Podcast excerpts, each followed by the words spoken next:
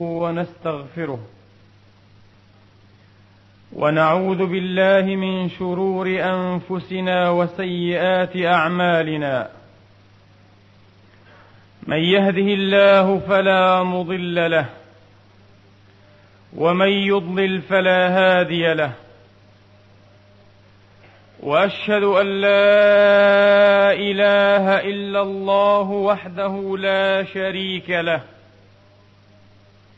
وأشهد أن سيدنا محمدا عبده ورسوله وصفوته من خلقه وأمينه على وحيه صلى الله تعالى عليه وعلى آله وأصحابه وأتباعه وسلم تسليما كثيرا. عباد الله أوصيكم ونفسي الخاطئة بتقوى الله العظيم ولزوم طاعته.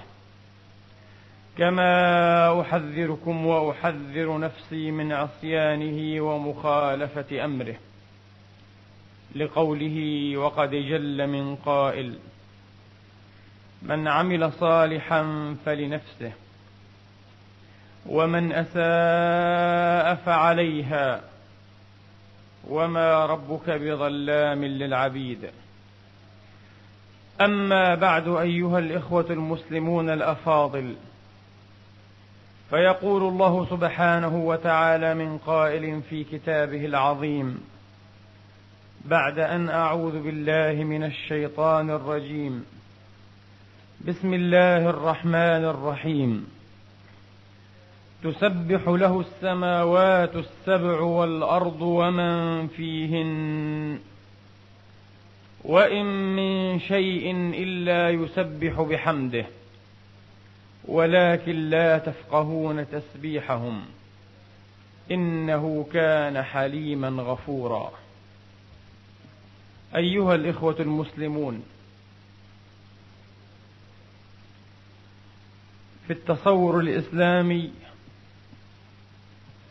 الوحي مندرج كمصدر أول ورئيس بل هو المصدر الأعظم والأكبر من مصادر المعرفة لا سيما بالعالم الغيبي الذي يتجاوز عالم الشهادة أو يستكن في أطوائه وتضاعيفه. ومن هنا فإن القرآن العظيم قد يقرر حقائق ويورد أخبارا يستحيل على العقل الإنساني المحض أن يستقل بتقريرها أو الاهتداء إليها أو الدلالة مجرد الدلالة عليها. من أعظم هذه الحقائق ومن أضخمها ومن أثقلها وزنا عند من تيقظ ذهنه وصفت بصيرته هذه الحقيقة الجليلة التي ذكرها الله سبحانه وتعالى في أصرح آية ساقها في موضوعها. آية الإسراء أعني. تسبح له السماوات السبع والأرض ومن فيهن وإن من شيء إلا يسبح بحمده ولكن لا تفقهون تسبيحهم. وأسارع بداءة لأقول إن ضلال الفكر الإنساني سواء أكان موحدا أم إشراكيا. هذا الضلال يرتد إلى نقطة هامة جدا وهي نقطة اللغة اللغة الإنسانية. العربية وغير العربية. قد تضلل الإنسان بعيدا وبعيدا جدا عن الحقيقة. عندما نصنف الموجودات على أنها موجودات عاقلة وغير عاقلة. موجودات حية وغير حية. موجودات جامدة ومتحركة. هذا التصنيف ينطوي على تضليل كبير وعلى تعمية وتغبيش على الحقائق الوجودية والكونية. لأننا حين نصنف أكثر المخلوقات والموجودات على أنها موجودات جامدة فإن هذا يرتد وينعكس في تفكيرنا وفي تصورنا الإنساني أو المعرفي في شكل أنها مخلوقات لا تتمتع بأي نوع من الحياة أو الإدراك أو الشعور. وهذا ضلال بعيد. القرآن الكريم يلح في كشفه وفي التنديد به إلا أنه يبدو أن كثيرا من المسلمين وغير المسلمين لم يرتقوا إلى درجة وإلى مصاف بعيد وسامق في قراءة واستلهام النص القرآني. وإن من شيء إلا يسبح بحمده ولكن لا تفقهون تسبيحهم. بعد أن جلت بنظري أو بناظري في كتب التفسير والعقائد وفي المراجع الأخرى وجدت أنه يمكن إجمال أنظار العلماء وتحقيقاتهم وتفسيراتهم في هذا الصدد في أربع نظريات. النظرية الأولى منها هي التي تفسر تسبيح المخلوقات جميعا. الحية وغير الحية حسب وصف اللغة أو المعطى اللغوي الجامدة والمتحركة. أنه تسبيح تكويني. يقولون تسبح ولكن بطريقة تكوينية. ما معنى ذلك؟ معنى ذلك أن الموجود بما هو موجود حتى هذا الشيء. أي شيء خلقه الله وأوجده وأحدثه ومعنى أحدثه أنه جعل له بداءة أو بداية في الزمان بعد أن لم يكن بعد أن كان في مطاوي العدم. كل حادث أو موجود أو مخلوق يدل بحدوثه وبموجوديته وبمخلوقيته على المحدث الموجد الخالق الباري سبحانه وتعالى. قالوا وهذا تسبيحه وهذا تسبيحه. وهذا الكلام فيه ضعف ظاهر. لماذا؟ لأن كون الحادث أي الكائن المخلوق أو الشيء المخلوق الموجود يدل بوجوده أو موجوديته على موجوده لا ريب في ذلك. لكن ما علاقة هذا المعنى بالتسبيح؟ ما معنى التسبيح؟ التسبيح هو تنزيه الله عن النقائص والمعايب سبحانه وتعالى. لا يليق في حق الله إلا كل كمال مطلق. إلا كل كمال مطلق. ما علاقة هذا المعنى بمعنى التسبيح؟ العلاقة منفصمة. العلاقة منفصمة. إذا هذا التفسير ينبغي أن يعد من التفسيرات الضعيفة ومن التأويلات البعيدة. النظرية الثانية هي التي تقول بأن تسبيح المخلوقات إنما يفسر من خلال الخضوع لله سبحانه وتعالى والنزول على مشيئته وحكمه. والنزول على مشيئته وحكمه. لا ريب أن بصيرة المؤمن تستطيع أن, أن تستشف أن كل ما خلق الله سبحانه وتعالى خاضع لمشيئة الله خاضع لمراد الله سبحانه وتعالى. إن في تقبل الوجود هل عندما دلفت أنت إلى هذا الوجود دلفت باختيارك؟ رغما عنك لأن الله أراد أن يوجدك. حتى كل هذه المكونات وكل هذه المخلوقات ما خلقت نفسها وما جاءت إلى هذا الوجود باختيارها خلقت رغما عنها لأن الله أراد إحداثها وإيجادها. إذن هي خاضعة لله لأنها تقبلت الوجود مرغمة تقبلت الوجود مرغمة. قالوا هذا ضرب من التسبيح هذا ضرب من التسبيح. أيضا تخضع للنواميس والسنن التي يجريها الله سبحانه وتعالى في الوجود وفي نظام الكون. قالوا وهذا نوع تسبيح آخر وهذا نوع تسبيح آخر ويقال ويورد عليها ما أوردنا على الأولى. نعم كل ما في الكون خاضع لله كل ما في الكون منبثق وفق مشيئة الله سبحانه وتعالى. لا ريب ولا شك ولا تردد في ذلكم ولكن ما علاقة هذا المعنى بالتسبيح؟ ما علاقة هذا المعنى بالتسبيح؟ العلاقة غير موجودة. هناك نظرية ثالثة وهي في نظري تفصيل للنظرية الأولى. تفصيل وتشعيب وتحقيق لها. النظرية الأولى تستند على أن الحادث دل بحدوثه على محدثه. قلنا وهذا لا علاقة له بالتسبيح والمعنى صحيح. كل حادث يدل بحدوثه بموجوديته بمخلوقيته على محدثه وموجده خالقه سبحانه وتعالى معنى مستقيم لكن لا علاقة له بالتسبيح. هذه النظرية الثالثة تقول كل حادث بعد أن دل بحدوثه على محدثه سبحانه وتعالى دل بصفاته تفصيلا على تفصيل أو بعض تفصيل صفات محدثه لا إله إلا هو. فهذا الشيء يدل بوجوده على أن له موجدا على أن له موجدا لكن يدل بما نراه فيه من تقانة ومن إحكام ومن إبداع ومن دقة ومن ومن على علم لا يتناهى وحكمة لا تتناهى وقدرة لا تتناهى وإلى آخره من صفات الله. هذه مسألة تختلف تماما عن المسألة الأولى. يدل على الموجد صحيح لكن هنا يدل على صفات هذا الموجد. يدل على صفات هذا الموجد. وأحسب أن الشيخ ابن سينا الشيخ الرئيس قد فصل تفصيلا بديعا في التفرقة بين هاتين النظريتين. في أكثر من كتاب من كتبه.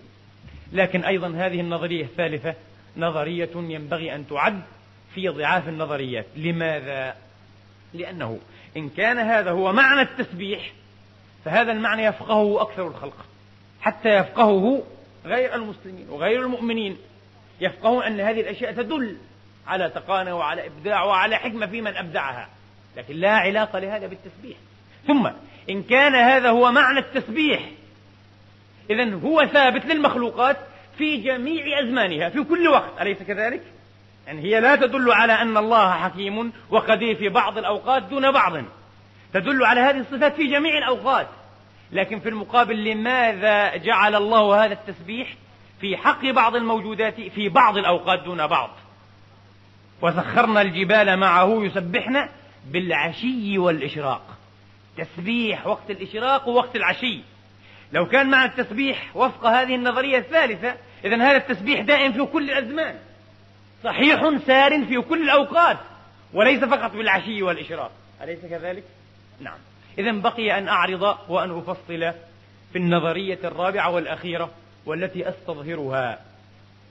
هذه النظرية تقول بأن كل الموجودات وكل ما أبدع الله سبحانه وتعالى وهنا ينبغي أن نعلم أنفسنا وأن ندرب عقولنا وذهنياتنا على النظرة المختلفة إلى هذا الوجود.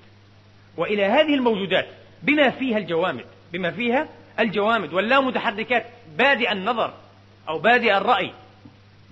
هذه النظرية تقول إن كل ما أبدع الله وكل ما خلق الله سبحانه وتعالى يتمتع بنوع من الشعور وبنوع من الإدراك وبنوع من الوعي. بهذا الإدراك بهذا الشعور بهذا الوعي ينطلق مسبحا بحمد ربه سبحانه وتعالى. ينطلق مسبحا بحمد ربه. إذا ليس تسبيحا بلسان الحال تسبيح بلسان المقال الذي لا نفقهه لأننا لم نؤتى علم هذه الأشياء. هذه من العلوم الباطنة المغيبة. هذه نظرية غريبة. بعض الناس قد يستغربها لأول وهلة. كل ما في الوجود فيه نوع من الإدراك نوع من الوعي نوع من العلم نعم يتمتع بهذا النوع وبهذا الصنف من الإدراك والوعي والشعور بما له من الوجود من نصيب أي وفق ما له من الوجود من نصيب. إذا عظم حظه من الوجود عظم حظه من هذه المعاني. كلما بخس ونقص حظه من هذا الوجود بخس حقه من هذه المعاني. لكن كل موجود يتمتع ولو بدرجة دنيا. إن كان هنا معنى للدنيا والقصوى من الشعور والإدراك والوعي. ولنبدأ مثلا بالمخلوقات العجماء. ثم بعد ذلك نتنزل إلى الجوامد اللامتحركة التي نظن أنها أبعد شيء عن معنى الحياة وعن معنى الشعور وعن معنى الإدراك. ولننظر فقط في معطى القرآن الكريم. لا نعود إلى أي مرجعية فلسفية أو فكرية أو اعتيادية معرفة عادية أو علمية أبدا. وإنما نستنطق ونستلهم القرآن العظيم نفسه. القرآن يعطي معطيات غريبة جدا. لم تسمع أذن الوجود قبل هذا الكتاب هذه المعطيات. لأول مرة. لكن المسلمين ابتذلوها وجعلوها بلا قيمة حين ركبوا مراكب التأويل. أولوا كل شيء بالمجاز مع أن بعض كبار علماء اللغة وبعض جهابذة المفسرين كابن تيمية وشيخ الشنقيط المعاصر يعتبرون هذا المجاز في خصوصيات كثيرة في القرآن الكريم نوعا من الكذب. والله منزه عن الكذب. إذا نسب معنى إلى شيء فهذا المعنى حقيقي. إلا أن نضطر إلى تأويله. وهذا مذهب الجماهير من الأصوليين. على كل حال. فلنبدأ مثلا بهذه المخلوقات العجماء التي لا نعقل عنها ولا تفقه عنا. القرآن الكريم في أكثر من موضع ذكر أن لها إدراكا. وأن لها شعورا. النملة التي خاطبت سليمان. وخاطبها سليمان واستمع عنها وفقه عنها تكلمت بمنطقها. عندها نوع من الشعور حتى نوع من الأدب. وهم لا يشعرون اعتذرت. عند نوع من الأدب الراقي والأدب العالي. اعتذرت عن فعل جند سليمان عليه السلام بأدب راق بذوق رفيع وهم لا يشعرون. هذا نوع من الاعتذار. والآية فيها ضروب بلاغية ذكرتها في إحدى الخطب. على كل حال هذه النملة الهدهد هذا الهدهد الموحد. الذي أدرك من صفات الله وجلاله ما ضل عنه قوم بلقيس. ما ضل عنه قوم بلقيس وبلقيس نفسها في تلك الآونة. وشنع عليهم أنهم اتخذوا إلها من دون الله يعبدون الشمس من دون الله سبحانه وتعالى. تحجب هذا الهدهد. سليمان هو الذي يقول وورث سليمان داود وقال يا أيها الناس علمنا منطق الطير وأوتينا من كل شيء. إن هذا له الفضل المبين. علمنا منطق الطير. لها منطق لها لغة. لكن لا كل أحد يعلمها. لا كل أحد يفقهها ويعرفها. في الأحاديث النبوية الصحيحة والحسان الجياد أحاديث كثيرة ونصوص وفيرة متضافرة على تقرير هذا المعنى. فقد روى الشيخان وأبو داود والنسائي عن أبي هريرة رضي الله تعالى عنهم وأرضاهم أجمعين. أن النبي عليه الصلاة وأفضل السلام قال قرصت نملة نبيا من الأنبياء. قرصت نملة نبيا من الأنبياء. فأمر بقرية النمل فأحرقت. فأوحى الله إليه أن من أجل نملة قرصت أهلكت أمة من الأمم تسبح. هذه أمة تسبح ولها لسان. طبعا القرآن الكريم كما في سورة الأنعام وصف هذه المخلوقات العجماء الطيور والدواب. ومن دابة في الأرض ولا طائر يطير بجناحيه إلا أمم أمثالكم. وخلف أو من وراء هذا اللفظ أمم أمثالكم نستطيع أن نستدل وأن نستنبط وأن نستنتج معاني وحقائق كبيرة جدا في هذا المجال. أمم كلمة أمة ليست مجرد مجموعات أو تجمعات وإنما أمم بمعنى الأمة. ثم قال أمثالكم لديها تنظيم لديها تنظيمات ومواثيق ودساتير. إلا أمم أمثالكم. النبي عليه الصلاة والسلام كما قال معاذ بن أنس رضي الله عنه مر ذات يوم على قوم على دواب لهم ورواحل يتحدثون يتجاذبون أطراف الحديث. فقال أيها الناس اركبوها يركبوا هذه الدواب اركبوها سالمة وكلوها سالمة اركبوها سالمة وكلوها سالمة ولا تتخذوها كراسية. لأحاديثكم في الطرق والأسواق فرب مركوبة خير من راكبها لا إله هكذا يصفر الإنسان حتى تصبح الدابة أعظم شأنا عند الله منه وخيرا منه لأنها أدت ما عليها وقصر فيما عليه. فرب مركوبة خير من راكبها وأكثر ذكرا لله تعالى منه. إذا هي تذكر الله هذه الدواب والأنعام تذكر الله وربما أكثر منا وربما أكثر منا تذكر الله سبحانه وتعالى. هذا الحديث أخرجه الإمام أحمد في المسند. الإمام النسائي في سننه أخرج بإسناده إلى عبد الله بن عمر رضي الله تعالى عنهم وأرضاهم أجمعين. قال أي عبد الله نهى النبي عليه الصلاة وأفضل السلام عن قتل الضفدع أو ضفدع أو ضفدع. وتذكر وتؤنث. نهى عن قتل الضفدع وقال نقيقها تسبيح. نهى النبي عن قتلها للغذاء أو للدواء ممنوع. حتى لو فيها دواء. لماذا؟ لأنها كائن يسبح تسبيحا مخصوصا وكثيرا. وقد روى الإمام أحمد وغير الإمام أحمد كثيرون من الأئمة أن داود عليه السلام النبي الملك أن داود عليه السلام بات ليلة يسبح ربه ويذكره ويحمده حتى كأنه دخله شيء من العجب والرضا عن النفس. يعني بت ليلة ما بات ربما أحد. من خلق الله ذكره وسبحه ومجده كشأني أنا. فأوحى الله سبحانه وتعالى إليه أن ضفدعا في النهر الفلاني قد باتت تسبحني وتذكرني أكثر منك. فتطامن في نفسه. تصاغر تفضح الله أكبر. قال نقيقها تسبيح. نقيقها تسبيح. أيها الإخوة أليس قد شكى البعير إلى رسول الله؟ والنبي فقه عنه. وأشكاه شكا إلى النبي فأشكاه النبي أي رفع شكاته. انتصر له البعير النبي فهم منطقه. هذه إحدى معاجز سليمان؟ وقد أكرم الله بها محمدا عليه الصلاة وأفضل السلام. وأشكاه وفهم شكاته عليه الصلاة وأفضل السلام. هذا في البعير في الحيوانات في قصص كثيرة جدا في السيرة. وفي السنة النبوية ومنها الصحيح والحسن ومنها الضعيف ومنها المكذوب على رسول الله عليه الصلاة وأفضل السلام. في أشياء كثيرة. إذا هذه المخلوقات تدرك بلا شك. القرآن الكريم صريح في تقرير هذه الحقيقة. ألم تر أن الله يسبح له من في السماوات والأرض والطير صافات أي حال كونها صفات. أي حال كونها صفات. والطير هذا معطوف على من؟ يسبح له من؟ معطوف على من؟ والطير صافات. كل قد علم صلاته وتسبيحه. الغريب في الآية ليس تقريرها أن هذه المخلوقات تسبح وتذكر ربها. الأغرب من ذلك أنها تعلم. كأن الله رتب عليها أورادا. كأن الله رتب عليها أورادا محددة معينة. هي تعلم هذه الأوراد ولا تقصر فيها. فإن قصرت عاقبها الله بالموت بأن تصطاد أو تقتل. قال عليه الصلاة وأفضل السلام ما عضد شجر ولا صيد صيد إلا بنقصه وتقصيره في التسبيح. كل قد علم. إذا هي تعلم. القرآن صريح في إثبات العلم لها. علم وشعور وإدراك. عندها دركية. عندها عالمية. عندها شعورية. كل قد علم صلاته وتسبيحه. الآن العجيب أن العلم الحديث بدأ يقرر جانبا وطرفا من هذه الحقائق.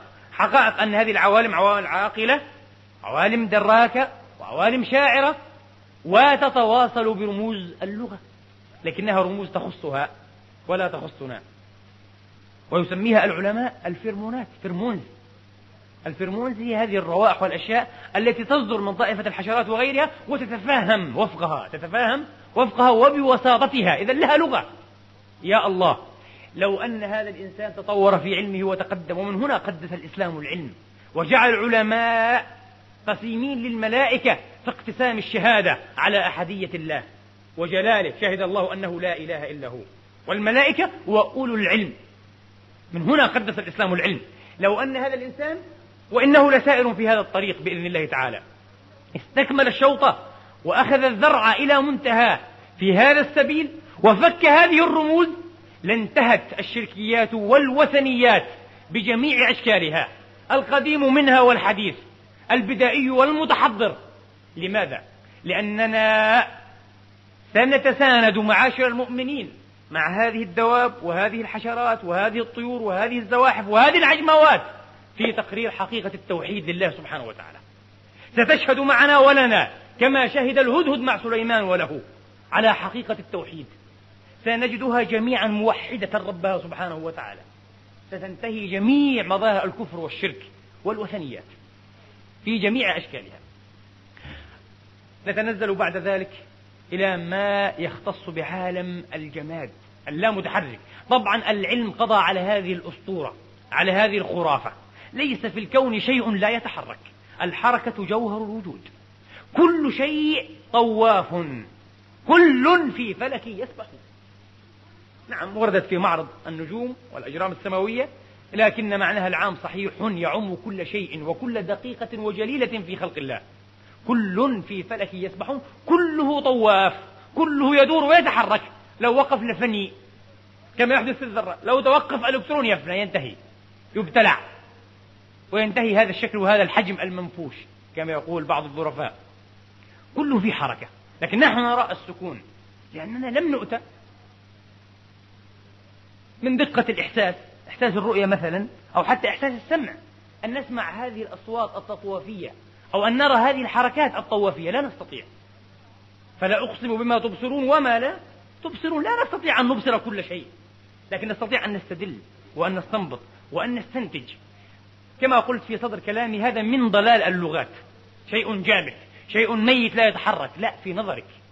حسبما أعطتك اللغة في طورك البدائي عند اصطناع هذه اللغة. لكن الآن العلم كذب هذا الموقف ودحضه وهزئ به. يسخر العلم من أمثال هذه الأفكار. كله في حركة كله يتمتع بنوع من الحياة. إن كانت الحياة في معنى من معانيها تساوق الحركة. كما يقول كثير من الفلاسفة وكثير من المفكرين. على كل حال هذه الجمادات القرآن الكريم أيضا صريح في تحديد الموقف بإزاء هذه القضية منها. إن لها شعورا. وإن لها وعيا وإن لها إدراكا. ثم قست قلوبكم من بعد ذلك فهي كالحجارة أو أشد قسوة. ثم يقول مؤكدا وإن من الحجارة لما يتفجر منه الأنهار. أقل من ذلك وإن منها لما يشقق أي يتشقق بالإدغام فيخرج منه الماء. ثم قال وهذا هو بيت القصيد وإن منها لما يهبط من خشية الله. الحجر عندما يسقط عن مكانه إنما يسقط هيبة لله. يتجلى عليه الله سبحانه وتعالى كما يتجلى على هذا الوجود كله في كل وقت لكن في أوقات تجليا مخصوصا. فربما هبط من خشية الله. لو أنزلنا هذا القرآن على جبل لرأيته خاشعا متصدعا من خشية الله. تقرير واضح تقرير واضح. ويسبح الرعد بحمده. هذا الرعد هذا الصوت صوت هذا. الرعد صوت. يسبح بحمد الله ويسبح الرعد بحمده. والملائكة من خيفته. طبعا كون الملائكة تسبح هذه قضية يؤمن بها كل الموحدين بفضل الله تعالى. كل المليين يؤمنون بأن الملائكة تسبح. تسبح له السماوات السبع والأرض ومن فيهن ضمن من هذه في السماوات؟ الملائكة مثلا. تسبح بحمد الله. وقد روى الترمذي والإمام أحمد عن أبي ذر رضي الله تعالى عنهم وأرضاهم أجمعين قال قال رسول الله صلى الله عليه وآله وأصحابه وسلم إني أرى ما لا ترون وأسمع ما لا تسمعون انظروا إلى السياق إذا هو يسمع هذه الأشياء التي أخبرنا عنها أو أخبرنا بها إني أرى ما لا ترون وأسمع ما لا تسمعون أطت السماء وحق لها أن تعط أطت السماء أي أنقضت صوتت لها صوت كصوت الأطيط وهو صوت الرحل على الدابة حينما تثقل وتبهض. صوت الرحل أطيط. السماء أطت النبي سمع أطيطها. قال أرى ما لا ترون وأسمع ما لا تسمعون. سمع أطيط السماء. عليه الصلاة وأفضل السلام. أطت السماء وحق لها أن تئط. ما فيها موضع أربع أصابع لأن الأصبع مؤنث. ما فيها موضع أربع أصابع. إلا وفيه ملك ساجد لله يسبح بحمده. ما معنى يسبح بحمده؟ أي يسبح ملتبسا بحمد الله أي يقول سبحان الله وبحمده. سبحان الله وبحمده يسبح ملتبسا بالحمد. سبحان الله وبحمده هذا معنى أنه يسبح بحمد الله يسبح بحمد الله. ثم قال عليه الصلاة وأفضل السلام تتمة الحديث لو تعلمون ما أعلم لضحكتم قليلا ولبكيتم كثيرا. ولخرجتم إلى الصعودات أي إلى رؤوس الطرق تجأرون إلى الله جأرا أي تصرخون داعين متضرعين ربكم سبحانه وتعالى.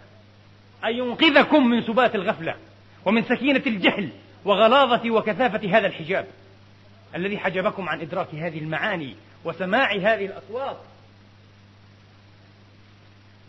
عند ابن مردوية رحمة الله تعالى عليه قال النبي أطت السماء قالوا يا رسول الله ما أطت اللفظ غريب عليهم.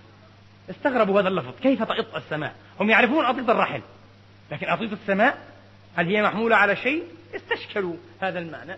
مشكلة عليهم. يا رسول الله ما أطت أو كيف أطت؟ فقال عليه الصلاة وأفضل السلام أنقضت. الذي أنقض ظهرك. وضعنا عنك وزرك الذي أنقض ظهرك. الوزر هو الذي أنقض الظهر. ما معنى أنقض؟ أنقضت أصبعي أي جعلتها تصوت فرقعتها باللغة العامية. هذه الفرقعة يقال لها الإنقاض. أنقضت أصبعي أنقضت الدجاجة إذا صوتت عند بيضها أو عند فراخها. أنقض ظهرك أي جعل إيه؟ أي جعله يصوت من شدة إيه؟ بهاضته وثقله. أنقضت السماء وحق لها والذي نفس محمد بيده. ما فيها موضع شبر. هناك قال موضع أربع أصابع. هنا قال شبر. ما فيها موضع شبر إلا وفيه جبهة ملك ساجد لله يسبح بحمده. في هذا الشبر في كل شبر ملك ساجد لله. قال جبهة ملك ساجد ملك ساجد لله يسبح بحمده سبحانه وتعالى. هذه حقيقة مقررة طبعا. لكن الجمادات العجب في هذه الجمادات الرعد يسبح بحمد الله.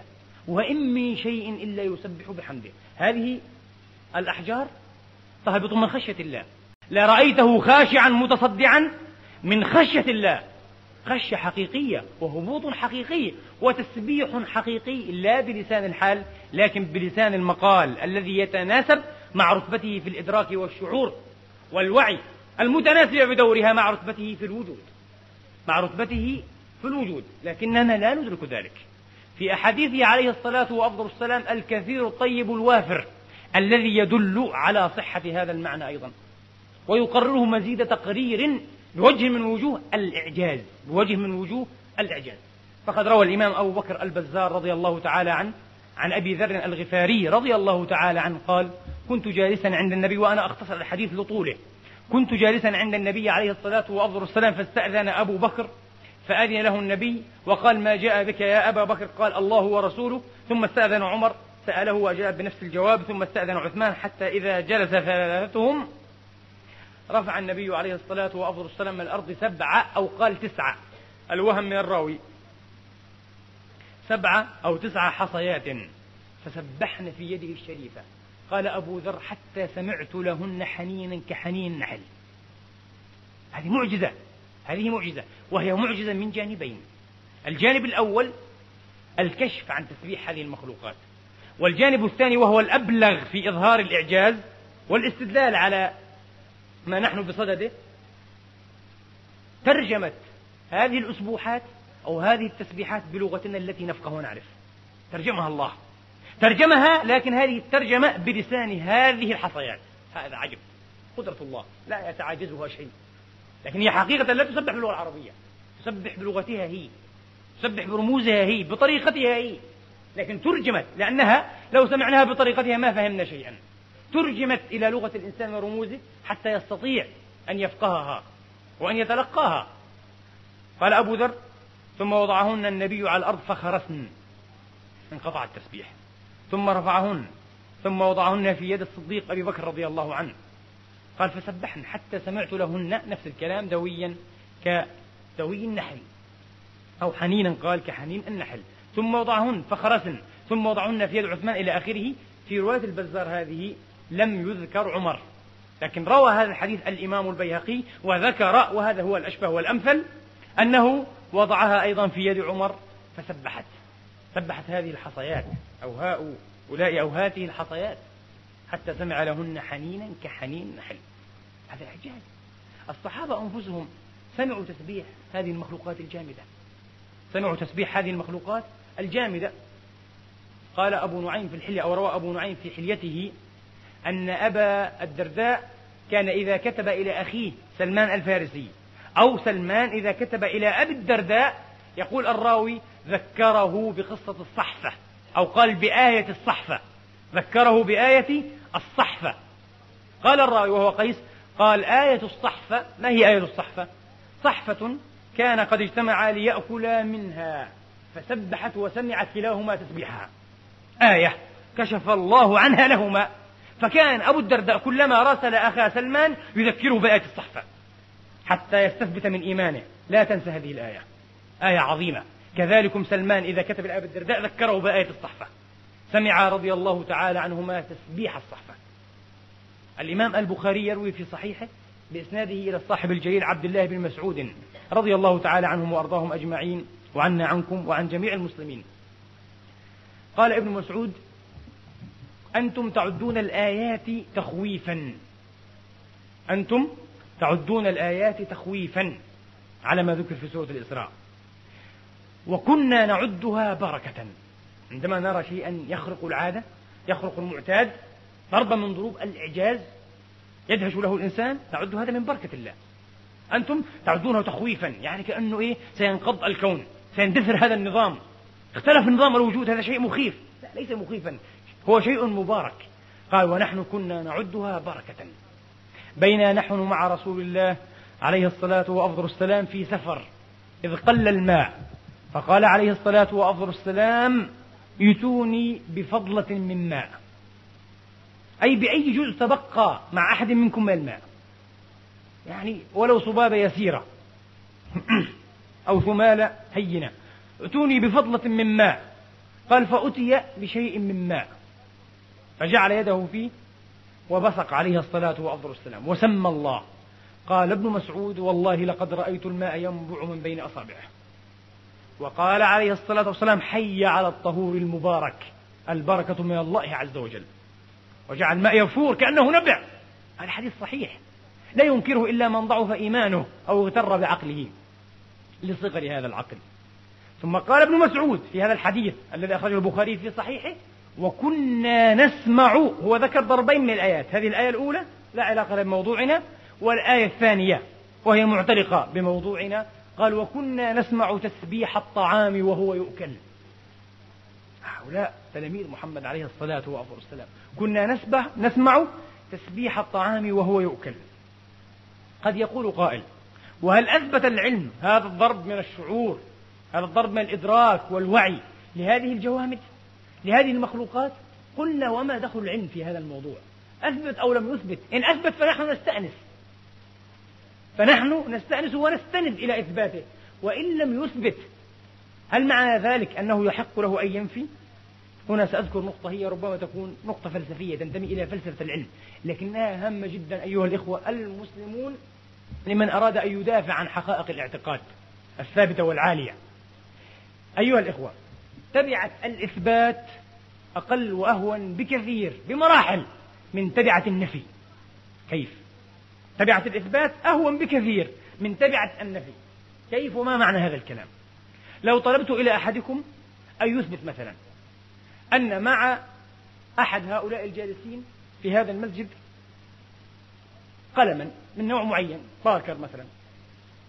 لو استطاع أن يجد هذا القلم مع جاره انتهى هذا يكفي. يقول هذا هو القلم. المسألة يسيرة. ولو لم يجد فإنه سيبحث ربما وجده إيه في الشخص العاشر أو العشرين أو الخمسين. لكن ليس من الضروري أن يبحث في كل هؤلاء. المرحلة قد تختزل.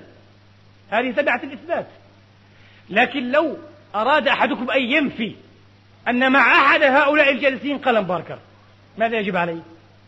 يجب عليه أن يدور عليهم واحدا واحدا حتى يستنفذهم عدا وبحثا.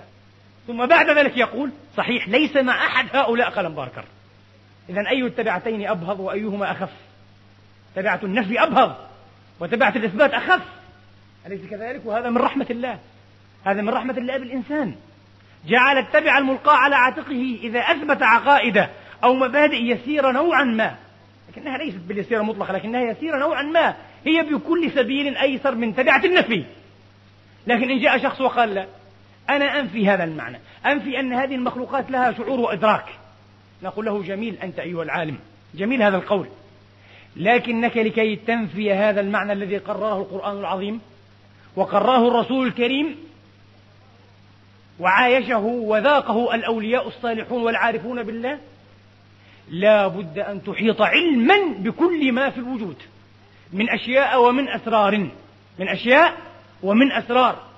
هل يدعي عالم في أي ضرب من ضروب العلم هذه الدعوة العريضة التي لا يقول بها إلا مجنون؟ إذا يا إخوان ليتواضع العلم. نحن نقدر العلم بل نقدسه كما قدسه الله في قرآنه. ولكن ينبغي حتى للعلم أن يعرف حده لكل شيء حد. حد العلم أن يثبت لكنه لا يستطيع أن ينفي إلا وفق ما يعرف بالاستقراء الكامل. والاستقراء الكامل بهذا المعنى غير متحقق للإنسان على الإطلاق إلا في رصد الظاهريات أو الظاهرات كما يسميها الفلاسفة. الأشياء الظاهرة فقط. لو أردنا مثلا أن نستقري استقراء كاملا عنصرا نادرا وموجودا في هذه الأرض مثلا في وزن أربعة كيلوغرام فقط. نستطيع أن نستقري كل صفات هذا العنصر الظاهرة في أربعة كيلوغرام. لكن لو أردنا أن نستقري استقراء كاملا عدد أسنان البشر فينا هل نستطيع؟ هل نستطيع أن نعد كل أسنان البشر في هذا العصر وفي الأعصار التي تصرمت وفي الأزمان التي ستأتي؟ إذا يبقى الاستقراء ناقصا. يبقى الاستقراء ناقصا. لا يمكن أن البشر يتوصل إلى استقراء كامل في أي ضرب من الضروب إلا في الضرب الخيالي الذي افترضته. هذا الضرب المحدود وفي إطار ما يعرف بالظاهرات أو بالظاهريات فقط. لكن أسرار الموجودات وأسرار الوجود وأسرار هذه النواميس الحاكمة التي بثها الله في كونه سبحانه وتعالى يستحيل أن العلم يحيط بها. أعجبتني هنا كلمة لأحد المفكرين الكبار. يقول العلم الكامل هو الذي يعطي الحق هو الذي يعطي الحق لصاحبه في النفي والإثبات جميعا. من هو الذي يتسم بالعلم الكامل؟ الله وحده لا إله إلا هو. إذا هو وحده الذي يستطيع أن يقول لا إله إلا أنا فاعبدون. طيب هذا العلم الكامل عما ينبثق؟ يقول هذا الفيلسوف الكبير ينبثق عن الخالقية. الذي يخلق الشيء يستطيع أن يحيط به علما. الذي لا يخلقه لا يستطيع أن يحيط به علما. ولم يخلق أحد من البشر شيئا على وجه هذه الأرض. الكل مخلوق مبدع لله لكن أنت تحول من شكل إلى شكل من حالة إلى حالة أنت تصير لكنك لا تخلق ولا تبدع. أليس كذلك؟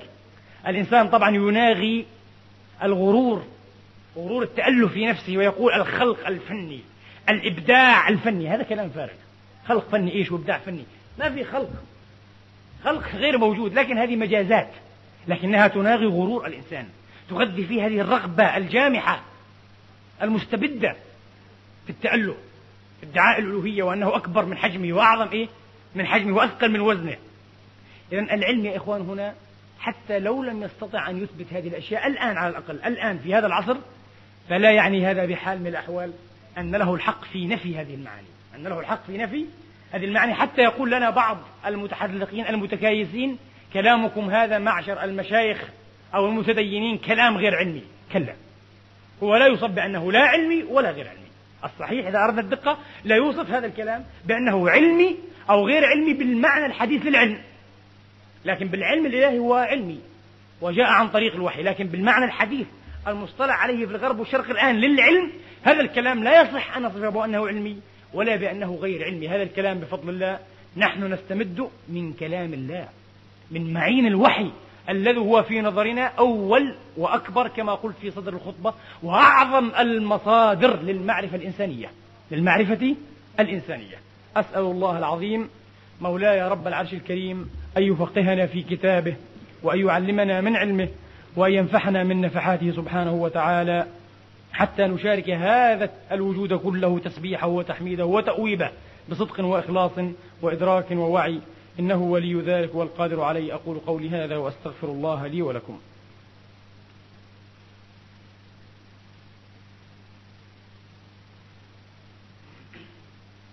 الحمد لله رب العالمين. الحمد لله الذي يقبل التوبة عن عباده ويعفو عن السيئات ويعلم ما تفعلون. ويستجيب الذين آمنوا وعملوا الصالحات ويزيدهم من فضله. والكافرون لهم عذاب شديد. وأشهد أن لا إله إلا الله وحده لا شريك له وأشهد أن محمدا عبده ورسوله. صلى الله تعالى عليه وعلى آله وأصحابه وأتباعه بإحسان وسلم تسليما كثيرا. عباد الله اعلموا أن الله سبحانه وتعالى قد أمركم بأمر بدأ فيه بنفسه ثم ثنى فيه بملائكة عرشه وقدسه فقال جل من قائل مخبرا وامرا إن الله وملائكته يصلون على النبي. يا أيها الذين آمنوا صلوا عليه وسلموا تسليما. اللهم صل على محمد وعلى آل محمد كما صليت على إبراهيم وعلى آل إبراهيم وبارك على محمد وعلى آل محمد كما باركت على إبراهيم وعلى آل إبراهيم في العالمين إنك حميد مجيد. اللهم لا تعذبنا فإنك علينا قادر اللهم ارحمنا فإنك بنا راحم ولا تعذبنا فإنك علينا قادر. اللهم اغضب بنا فيما جرت به المقادير. اللهم إنا نسألك الهدى والتقى والعفاف والغنى.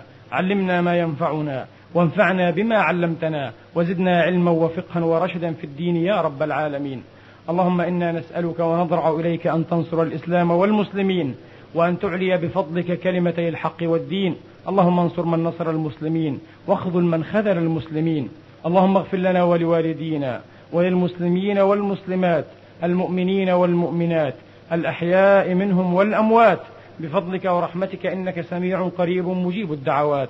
اللهم حبب إلينا الإيمان وزينه في قلوبنا وكره إلينا الكفر والفسوق والعصيان واجعلنا من الراشدين. عباد الله إن الله يأمر بالعدل والإحسان وإيتاء ذي القربى وينهى عن الفحشاء والمنكر والبغي. يعظكم لعلكم تذكرون. اذكروا الله يذكركم. واشكروه يزدكم وسلوه يعطكم وقوموا إلى صلاتكم يرحمني ويرحمكم.